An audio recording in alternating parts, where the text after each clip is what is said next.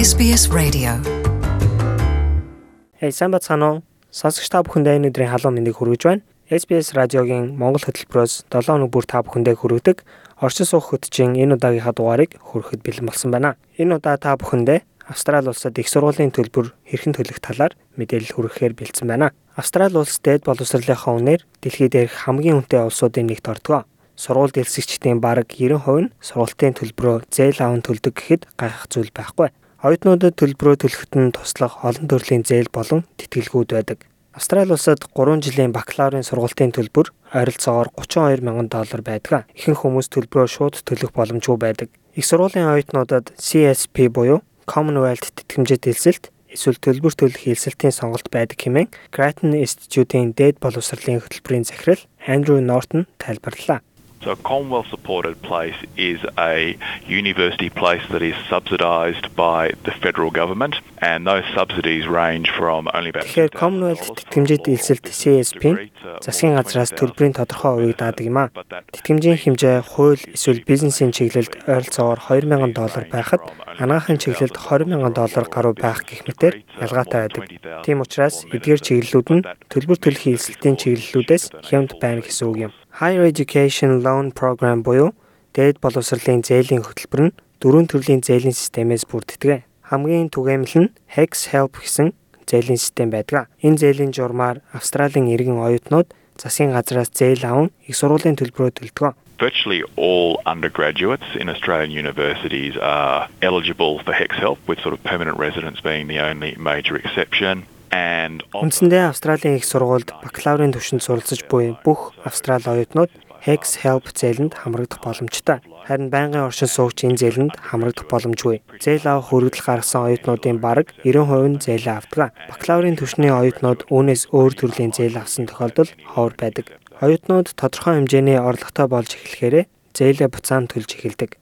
But for next year it's going to drop down to next financial year it's going to drop down to Одоогийн байдлаар зээл авагчдын жилийн орлогын хэмжээ 52 мянган доллар болоход зээлээ эргэн төлж эхлэх залттай байгаа. 2017 оны 6 сарыг дуустал help зээлтэй гадаадад ажиллаж буй иргэдэд гадаадад байх хугацаанд зээлээ эргэн төлөх шаардлагагүй байсан. Харин тус жилийн 7 сарын 1-ээс эхлээд энэ байдал өөрчлөгдсөн хэмээн Andrew Norton нэмж хэллээ. From basically this financial year people will have to repay their help debt overseas essentially on the same basis as if they were in Australia. Шин санхүүгийн жилээс эхлээд help зээлтэй гадаадад ажиллаж буй иргэд Австральд ажиллаж буй иргэдтэй ижил нөхцлөөр зээлээ эргэн төлөх болно. Тэгэхээр орлого нь босох хэмжээнээс давсан тохиолдолд Австральд байгаатай адил нөхцлөөр зээл төлөгдөх ба гадаадын орлого нь Австрали доллар руу хөрвүүлэгдэх ёстой. Hex зээлээс гадна бусад гурван төрлийн оюутны зээл байдаг. Then there's another scheme called fee help and that applies to students who are in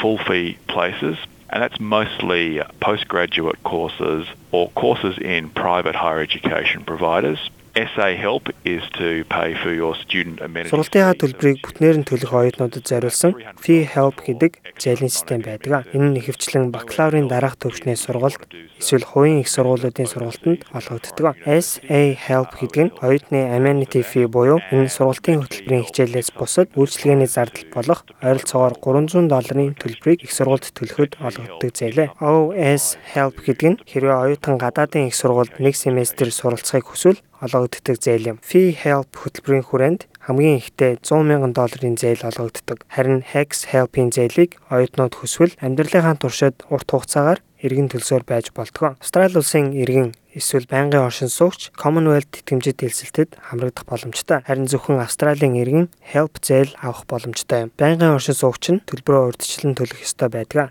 So individual universities might offer some extra assistance but generally it is quite difficult for people. Зарим сургуулиуд хэдийгээр төлбөрийн хөнгөлөлт олгодогч ерөнхийдөө байнгын оршин суугч нь зээл тэтгэмж авахд бэрхшээлтэй байдаг. Тиймээс иргэн биш байнгын оршин суугч байхын нэг дутагдaltaй тал болдгоо. Харин залуу оюутнуудын хувьд амьдрах зардалд нь туслах байнгын тэтгэмж авах боломжтой.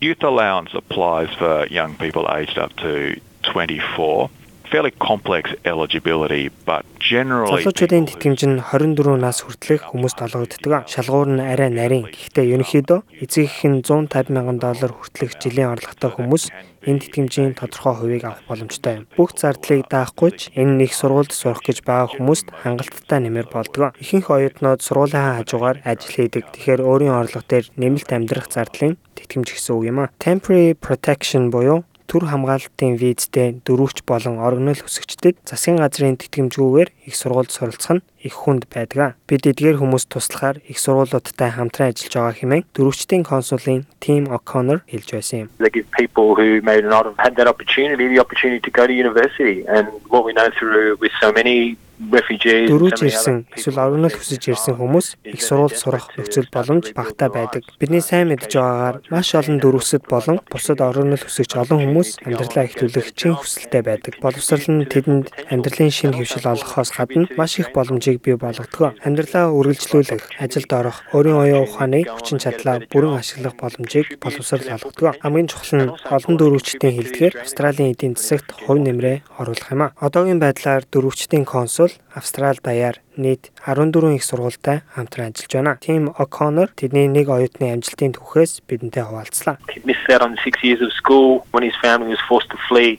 His home in Kabul due to persecution. His his father had been killed, so the family decided to to flee. Манай нэг оюутны хувьд өөрийн эх орны хавчлагын улмаас Кабул дахь гэрээсээ зүгтгаас өөр аргагүй болж сургууль сурах 6 жилээ алдсан. Эцэг нь 8 насаа алдаж түүний гэр бүл дөрөвхөр болсон юм. Пакистанд сургуульд сурах боломжгүйгээр олон жил амьдарсан ба Австрали улсад 21 настайдаа ирсэн байна. Энд ирснийхаа дараа сургуульд бүртгүүлж 8 дугаар ангиас эхлэн хурдцтайгаар төвшин ахиж англи хэлийг маш хурдан сурсан. Тэрээр одоо инженерийн чиглэлээр Австралийн шилдэг их сургуулиудын нэгт сурж байгаа бөгөөд өнгөрсөн жил их сургуулийн медалаар шагнуулсан байна.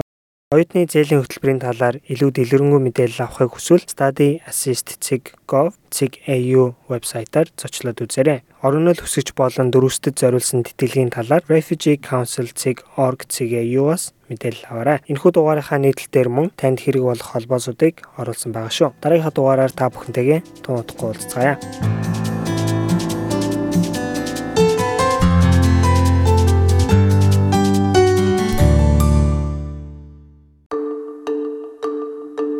Want to hear more stories like this? Subscribe to our regular podcasts on iTunes.